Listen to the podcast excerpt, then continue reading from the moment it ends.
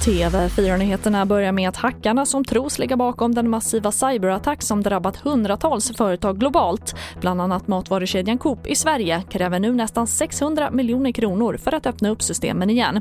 Men IT-säkerhetsexperter uppmanar de drabbade företagen att inte betala tillbaka några pengar till utpressarna globalt perspektiv och ur ett samhällsperspektiv tycker jag är otroligt viktigt att man inte betalar.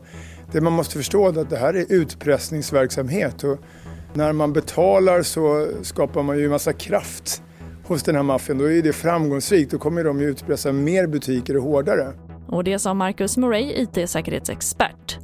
Och idag ska Stefan Löfven meddela talmannen om han har lyckats få fram underlag för en regering. Och nu kommer uppgifter om att Centerpartiets partistyrelse vill släppa fram Löfven som statsminister.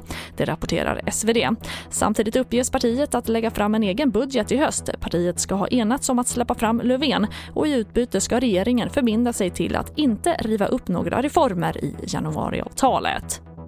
Och vi avslutar med ett nytt rekord. 76 korv med bröd på 10 minuter. Ja, det lyckades Joey Chestnut trycka i sig på det årliga korvmästerskapet i New York på USAs nationaldag igår. Han kammade överlägset hem segern med att äta 26 fler korvar än tvåan. Och det får avsluta TV4-nyheterna. Jag heter Charlotte Hemgren.